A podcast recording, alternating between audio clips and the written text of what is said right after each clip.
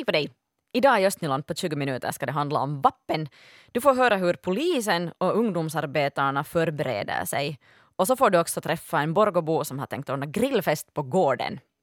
Men först handlar det om två personer som har fått helt nya arbetsuppgifter till följd av coronan och båda är nöjda med sina nya jobb.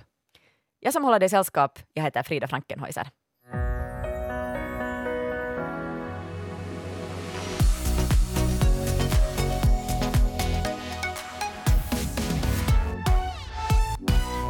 Här är Rosenkulla i Liljendal, Sävträsk. Det är ett sånt äldreboende. Här är plats för 14 åldringar och så är här fem intervallplatser. Och det här säger Martina Simonsson som nu då har blivit omplacerad hit på grund av, ja, vad ska vi säga, de här undantagsarrangemangen. Oj, Liljendalskyrkan är också här precis mitt emot med, med ett ståtligt torn. Ja, ja, kyrkan är här och här brukar i vanliga fall så brukar de här äldre brukar ta lite ut på promenader så mycket som de, eller då när de orkar. Och det är ju förstås riktigt trevligt med kyrkan så här nära och, och, och så är hus annars. Ja, tidigare så jobbade du som barnskötare inom småbarnspedagogiken, det vill säga på ett daghem uh, i Strömfors. Hurdan var din väg hit? Min väg hit var den att jag när de här undantagstillstånden började och vår barnmängd minskade ganska sådär radikalt så sa jag åt min förman att jag var villig att ställa upp om det behövs någon annanstans eftersom vi då hade så lite barn. Och, och det här så började jag då med att jag fick ett kort arbetsuppdrag på fyra dagar. Jag höll på att ringa runt till ö, över 70-åriga Lovisa-bor som bor hemma lite för att fråga hur de mår och hur de har det så här i coronatider och om de har butikshjälp och om de klarar sig och har kommit ihåg att vara ute och motionera och så vidare. Och sen blev jag då placerad hit. Att ringa runt, hur var det? Det var faktiskt riktigt, riktigt otroligt positivt bemötande fick, fick, jag, fick man. Att det kändes liksom som att, att det var glada åldringar och människor som man fick prata med och många trevliga pratstunder. Och, och jag fick nog inte luren i örat en enda gång så det måste ha kändes riktigt bra. Nu, nu säger jag att du är rustad för jobb här då på Rosenkulla. Du, du har en sån här ansiktsmask som du lite har dragit ner här nu för vår pratstund. Jo, alltså de här ansiktsmaskerna så, så har vi på oss mer eller mindre hela tiden. Men varje gång vi är i närkontakt med, med de här boendena, de här äldre som bor här, så, så hör det till att man har ansiktsmask och, och det där, det, den byts då ut. Att man går ju inte med samma ansiktsmask hela dagen. Det här är ju sådana här engångs som man byter ju efter varje liksom, besök då. Så byter man mask eller ja, i alla fall inom en halvtimme ska den bytas. Hurdan har din arbetsdag varit idag till exempel? Eh, nå till nästa, det som kommer att hända det är det att det här kommer att serveras kvällsmat klockan fyra. Nu är det vissa som sitter upp här i, i, i dagsalen, vissa har gått till sina rum och lite vila och när klockan blir fyra så eh, serveras middagen här i matsalen för de som orkar komma och äta. Och för de som sitter här och äter så serverar vi maten här och, och sen för de som inte orkar stiga upp från sina sängar eller sängliggande så för vi maten till rummet och i mån av behov matar dem. Har du hunnit fundera på ja, skillnader i att jobba här och ditt tidigare jobb? Eh, uh, no, tempo är lite annorlunda om vi säger så. Att det där, uh, när man jobbar med, eller som jag jobbar med ett till treåringar, så där är ju ett helt annorlunda liksom, tempo. Man ska alltid man ska, uh, vara ganska snabb, man ska alltid vara ett om inte två steg före. Att här är det där tempot så mycket långsammare. Så ja, det är ju. Och förstås det att från att jobba med det här livets början och det här är då det här livets slutskede som man jobbar med nu så, eller det, så det är ju nog annorlunda. Men riktigt, jag har trivts hemskt bra och, och jag har blivit hemskt väl bemött här. Att jag tycker att det har gått riktigt bra och fått väldigt bra handledning av alla, alla som jobbar här. Mm. Det är säkert viktigt att få bra handledning när man byter så här plötsligt. Alltså det är jätteviktigt att få bra handledning och, och, och det är ju det är så det är helt annorlunda än då vi pratar om, nu pratar vi om äldre människor som är eh, vissa är ju ganska sjuka och det finns mycket mediciner och det här ergonomin och hur man, hur man, hur man stöder och hjälper och, och, och och lyfter och, och tar i och allt sånt här är ju helt liksom nytt för mig och, och det där. Jag tycker att jag har fått hemskt bra handledning i det. Så hur ser du på det här nu att du får göra det här? Jag tycker nog att jag är nog tacksam att jag har fått komma liksom och prova på något annat. Jag tycker att det är liksom med den här närvårdarutbildningen så när det möjliggör inte bara det att du kan jobba på, på daghem till exempel utan du kan även hoppa in och, och som nu så här undantagstillstånden, du kan även hoppa in och hjälpa till inom andra branscher. Så jag tycker att det har varit riktigt, liksom, man har känt att man har gjort någon nytta och, och, och, så här och det har varit riktigt bra. Och jag var som sagt jag var frivillig från första början. Jag sa att min förman att, att jag är, mig kan, kan ni placera om och var hemskt glad att man fick liksom prova på det här och se den, det här också. På en eh, innergård till ett Eh, flervåningskvarter i Söderkulla i Sibbo sitter jag nu med eh, Sibbobon Kalle Lindros här vid en bänk och vi håller ett rimligt avstånd till varandra. Och Kalle Lindros är en av sammanlagt 38 kommunalt anställda i Sibbo som blivit omplacerade eller helt frigjorda från sitt eget jobb. Och Kalle, i ditt fall eh, gick det så att du blev omplacerad, eller nu i alla fall delvis omplacerad. Berätta vad som hände. Det var ungefär tre veckor sedan som min chef frågade om jag var, skulle vara intresserad och hjälpa till och gå igenom så ensamföretagarnas ansökningsblanketter.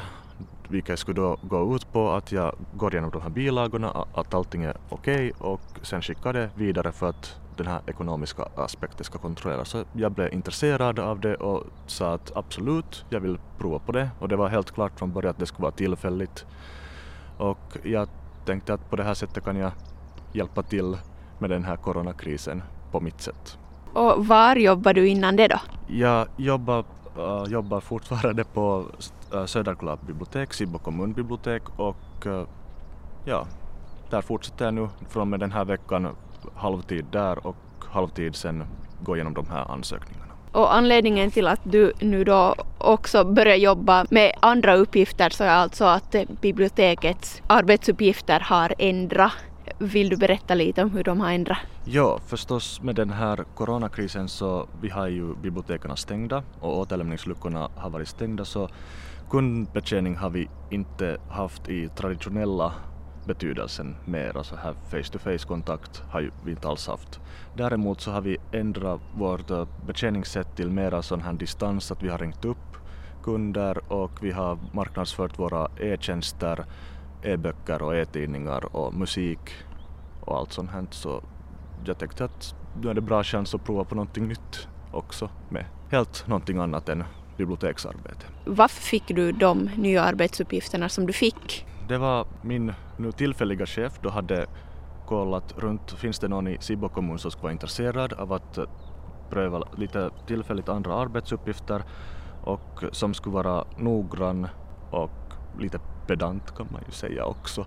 Så då min chef tänkte genast på några av oss och jag var en av första som hon frågade och jag tackade ja sen till det. Är du tillräckligt pedant för uppgifterna? Hur klarar du av dem? Ja, emellanåt lite väl för pedant om man frågar sambon men det där Jo, tillräckligt pedant nog. Nå, vad tycker du om det här systemet då, att du nu då delvis jobbar med helt andra uppgifter? Det känns bra. Det är lite omväxling till den här så kallade vardagen och det känns bra att göra någonting nyttigt också, direkt nyttigt under den här krisen att här har man fått jobba med helt nya människor. Vi har en sån här team som jobbar tillsammans. Där finns uh, de som har direktkontakt med företagarna men så har vi också genom de här ansökningarna att vi frågar bilagor och sånt. Men det var helt uppfriskande. Och hur kommer det fortsätta så här nu? Hur ser framtiden ut? Framtiden är svår att säga. Att vi har en preliminärt kommit överens att om ansökningarnas mängd ökar så då hoppar jag in och jobbar heltid igen på, med de här ansökningarna. Annars så jag fortsätter med det här 50-50 stilen tills coronakrisen är över, så övergår jag till mina vanliga arbetsuppgifter. Kommer du ihåg festivalen No Paha? Det är den som ordnades för ett år sedan till minne av Borgobon och kulturpersonligheten Jocke Lybeck. Det blir en ny, lite liknande musikfestival, men på nätet med start nu på söndag. Och den heter No Live. Felix Lybeck han var med och grundade No Paha till sin pappas ära. Nu ska han uppträda med sitt band Kohullo på No Live också. Jag säger god morgon åt Felix. God morgon. Hör du Felix, berätta lite om, om No Live. No Live Mm. kom, startade då när det här vi, vi tänkte att det här, det borde ordnas någonting, någonting nu under coronatiderna i Borgå också som skulle vara, ska vi säga, eh, för alla och för eh, Borgå, Borgå eh, band. Och det här. Så det kom, satte som en då, lite som en streamcake men att de här keikorna inbandas i förväg och sen sänds de alltid varje söndag börjande nu på, nu söndag den 3 maj, sen ända till den, uh, vad blir det, den 24 maj, alltid klockan sex på söndagar så kommer det upp på nätet och man kan titta på det då eller sen så har de alltså uppe där på nätet så det går att titta på den när man vill. Mm. Ni har liksom filmat de här konserterna redan på förväg. Ni har gjort det på ett ja. ganska spännande ställe. Jo, det gjordes i, i gamla hälsocentralen i Borgå. Alltså helt öde just nu. Och det här, där, där fick vi utrymme och, och, och sen så Aleksi Hakala och Junde Eetanen det här äh, hämtade dit massor med ljud och ljudutrustning och, och, och fick det att se, se, se jättefint ut. Och sen så Antti Saari och filma, filma alla de här keikorna och det här. Det blev riktigt bra kan jag säga. Ja, det ska bli roligt att se första konserten alltså nu på söndagen klockan, klockan sex och sen hålls de ju på Youtube därefter. Att, att, om man missar liksom starten klockan sex så kommer man kolla lite senare också någon annan dag. Ja. Mm. Ni gör det här gratis. Du till exempel Felix, du får inte något betalt och inte får någon annan heller betalt för det här. Varför, varför gör ni det här? Ja, säkert för att alla, alla det här musiker och kulturarbetare så hade minst så mycket jobb så också för att vi kanske inte har någonting annat att göra. Men också för att eh, jag tror att det är viktigt att göra, göra så här den här tiden så när folk sitter hemma så är det perfekt trevligt att ha någonting att titta på och ändå kunna, kunna njuta av livemusik. Jag tror att det är den största orsaken. Men att det här, det är väl Alexi Hakala och Junde Hietanen som, som egentligen startade det här. Jag tror att det är det är på, på professionella ljud och ljus, ljuspersoner som, som bara, bara hade lite tråkigt och tänkte att nu ska vi göra någonting. Sen råkade det sig vara då ett år sedan No, no Paha-festivalen så det har, det har passat riktigt bra. Och sen ringde de mig och frågade att kommer jag med och, och om No Live eh, skulle vara ett bra namn och så vidare. Och sa att jo, att det låter riktigt bra. Mm. Hej Felix, tusen tack för att du var med. Det ska bli jättespännande att följa med de här konserterna. Um, den första alltså som sänds nu på söndagen, No Live, klockan 18 ja. på Youtube och Facebook. Och sen då... Det är alltså fram mm. tredje femte klockan 18 och sen tionde femte så är det Puhullu, jag och sen så sjuttonde femte Ukri Humina, dit Miro och sen är det 24 femte är det Kultanen Nuoruus. Så lite så alltid, alla, alla finns där. Perfekt. Hej, ha en riktigt fin dag, Felix. Hej, detsamma. Bra. Moi, moi. Alldeles snart så är det valborgsmässoafton. Det brukar nog vara en, sån en superhögtid, jätteroligt. Man träffar bekanta och så dricker man skumpa och äter knackkorv och har roliga serpentiner och ballonger och sånt. I år så kommer det att bli en hel del annorlunda. Man ska ju inte liksom föra ut och träffa kompisar och sitta i parken i stora folksamlingar, utan man får på något sätt tänka om och göra det mindre och göra det helt på sitt eget sätt. Och du har Fredrika, du har igår varit och lyssnat på dels stadsdirektören och också på polisen som berättar lite vad de tänker nu inför vappen. Ja, det var alltså Borgå stad som hade ett sånt här eh, pressmöte igår på, på Borgbacken där förstås så att vi då höll, höll det här hajurako där, alltså det vill säga den här distansen till, till varandra för säkerhets skull också. Och stadsdirektör Jukka-Pekka Ojula var där på plats och konstaterade att eh, polisen och stan delvis har varit lite oroliga nu för, för det här att folk ska börja glömma bort de här coronabegränsningarna i och med att valborg dyker upp här. Och han sa att man kan och, och ska gå ut och njuta av vädret och så vidare, men han hoppades att man då skulle skippa de här traditionella vappenpicknickarna och, och, och andra mm. folksamlingar på allmänna platser i år och, och, istället då fira i mindre gäng och kanske helst de som man bor med också i vanliga fall. Och tanken är då att man ska öva lite krisuthåll i ännu en, en stund till. För Borgå har haft ganska bra läge med det här coronaviruset för tillfället och, och allt funkar någorlunda bra, men det kan bli problem sen om, om det exploderar här. Så till exempel så blir det inget första maj-torg heller då på, på uh, torget i Borgå i år. Och sen kommer Runebergskören inte heller att sjunga in uh, Vappen live där, eller första maj live där i, i Runebergsparken, utan det blir istället en, en stream via nätet uh, som man kan följa med där sen, sen från Grand. Ja, och så kan man ju sjunga själv. Vad hindrar en att stå hem på gården eller på balkongen och sjunga, sjunga om studenten eller några andra roliga vårsånger? Mm, precis, eller gräva fram någon eh, inspelning där. Ehm, sen en annan som var på plats eh, där på, på det här pressinfo så var kriminalkommissarie Freddy Sederlund från polisen. Och jag frågade honom att, eh, vad han hade för hälsning till alla valborgsfirare i Östnyland. Jo, polisen skulle ha sådana hälsningar att man skulle ta det ytterst lugnt nu den här, det här valborg. Och det där, om bara möjligt skulle man kunna hålla sig hemma nu, att inte sådana här traditionella valborgsfester, picknick och liknande då, som normalt. Han konstaterar också att eh, polisen kommer att eh, vara med i gatubilden synligt här under valborgshelgen. Och det gäller då speciellt de platser där folk brukar samlas för att fira, men sen också då i skärgården för att det är kanske folk då som far ut, ut på holmarna. Så att eh, inga större folksamlingar där heller, eh, om man tänkte att, att det skulle vara safe att göra det.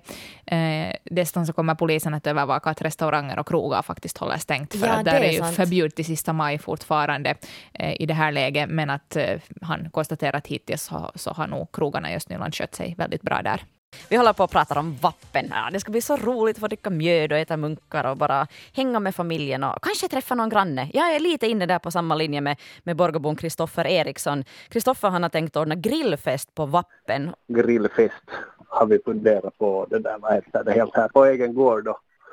Och så här att det där ensam behöver man ju inte sitta med sina ballonger sen där utan det där, vad heter det, bara man håller det minimalt så ska det väl gå för sig ändå. Just det, du tänker riktigt på att bjuda in vänner? Jo, jo, nu har jag räknat med till och med nio stycken på samma gång. Men sen igen så går det, på gården skulle det ju rymmas flera så att det där, jag vet inte var, var det där myndigheten skulle dra gränserna. Att det där. Ja, no, sam samlingar på tio säger de nog fortfarande att det är den där, att man ska inte ha större samlingar än det. Ja, ja. Och där, där skulle just vara två familjer och en ensamstående. Möjligtvis som jag funderar på att det där, vad hette det?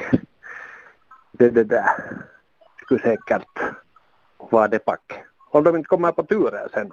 Så man kan ju ta en familj åt gången kanske om man vill lite töja. Det kan man ju bra göra. Ja. No, tänker du liksom tänka på något speciellt sätt på att hålla vet du, säkerhetsavstånd och sånt här eller är det nu bara att det får fara dit i samma konkurs? Nej, nu måste man ju tänka sådär med, med vad heter sunt förnuft att det där att man inte riktigt och det är mest, alltså vuxna förstår det ju men kanske barnen måste man hålla lite sådär mera koll på att sen att det där att de inte delar något godis eller så här petar på maten och så vidare att det där vad heter det att sånt här. Men sen å andra sidan också så är nu av den åsikten att det där vad heter det, att i Finland så har ju de här uh, restriktionerna liksom funkat ganska bra. Det, det inte har gått så ändå så hemskt långt. Och de här bekanta familjerna så de har ju alla också varit i karantän länge och så vidare. Att det där under hela den här tiden att, att inga, inga på det sättet bevisade fall så har ju varit närkretsen. Förutom jag själv då förstås som har tillfrisknat det är sant, så, så du, kan, du kan lugnt grilla korv och dela ölflaskor med kaverina? Ja, ja nog känner jag mig relativt, relativt immun och inte smittat någon, någon här hemma heller. Det var heter det att inte tycker jag att man ska vara så sådär rädd. Men hej, berätta nu, hur, hur tänker du att din och din familjs vapp ska se ut nyår? No, nu ska det vara skoj nu. Ungarna i alla fall, för de, de har inte träffat mycket sina kompisar och så vidare att, att det där det blir, det blir faktiskt roligt att de får nu det där spendera dagen här med bekanta familjer och deras barn och så vidare. Sen blir det ju hemskt själv, själv att det där var äh, skojigt också att umgås lite och man ska försöka göra det så gott som möjligt att det där allt det där andra mjöden och knackkorvarna och, och det där munkarna så de, de hämtar ju i, i sig också frid och fröjd. Får se hur grannskapet reagerar, det väntar jag mest på. Att det där sitter nu alla på sina egna tomtar här, här och det där fira och, och det där. Man kan ju sådär över staketet sen kanske. Att hoppas det nu blir bra. Vädret hoppas jag också liksom att det, det ska vara, vad heter det, tillräckligt bra att man sen kan vara ute. Man inte det där behöver vara inomhus som det är sen. Kanske en liten aning större risk om någon skulle vara, vara det där bärande så att säga. Eller så, här. så det där, nu blir det riktigt bra nu. Um, Fredrika, du har koll på hur ungdomsarbetarna i våra kommuner planerar, planerar vappen? No, det funkar lite på samma sätt i, i alla kommuner, det vill säga Borgå, Lovisa, Sibbo har vi kollat. Och helt enkelt så att ungdomsarbetarna patrullerar på stan och på platser där de vet att ungdomarna brukar samlas för att fira valborg.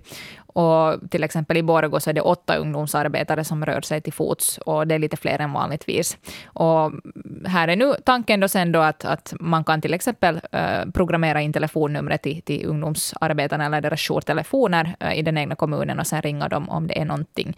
Förstås så hoppas de ju då att man inte skulle se några ungdomar ute på stan och, och i stora folksamlingar.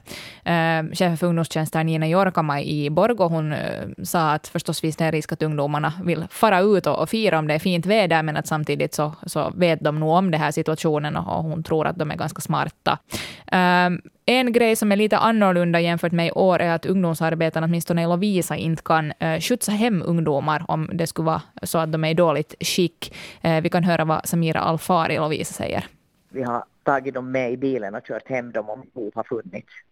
Mm. Men att det där nu på grund av det här viruset så kan vi ju så måste vi ju vara försiktiga med också det att just därför så, så, det där, så tänker jag väl att då, då, då händer det där samtalet till föräldrarna. Att vi kan inte hålla på.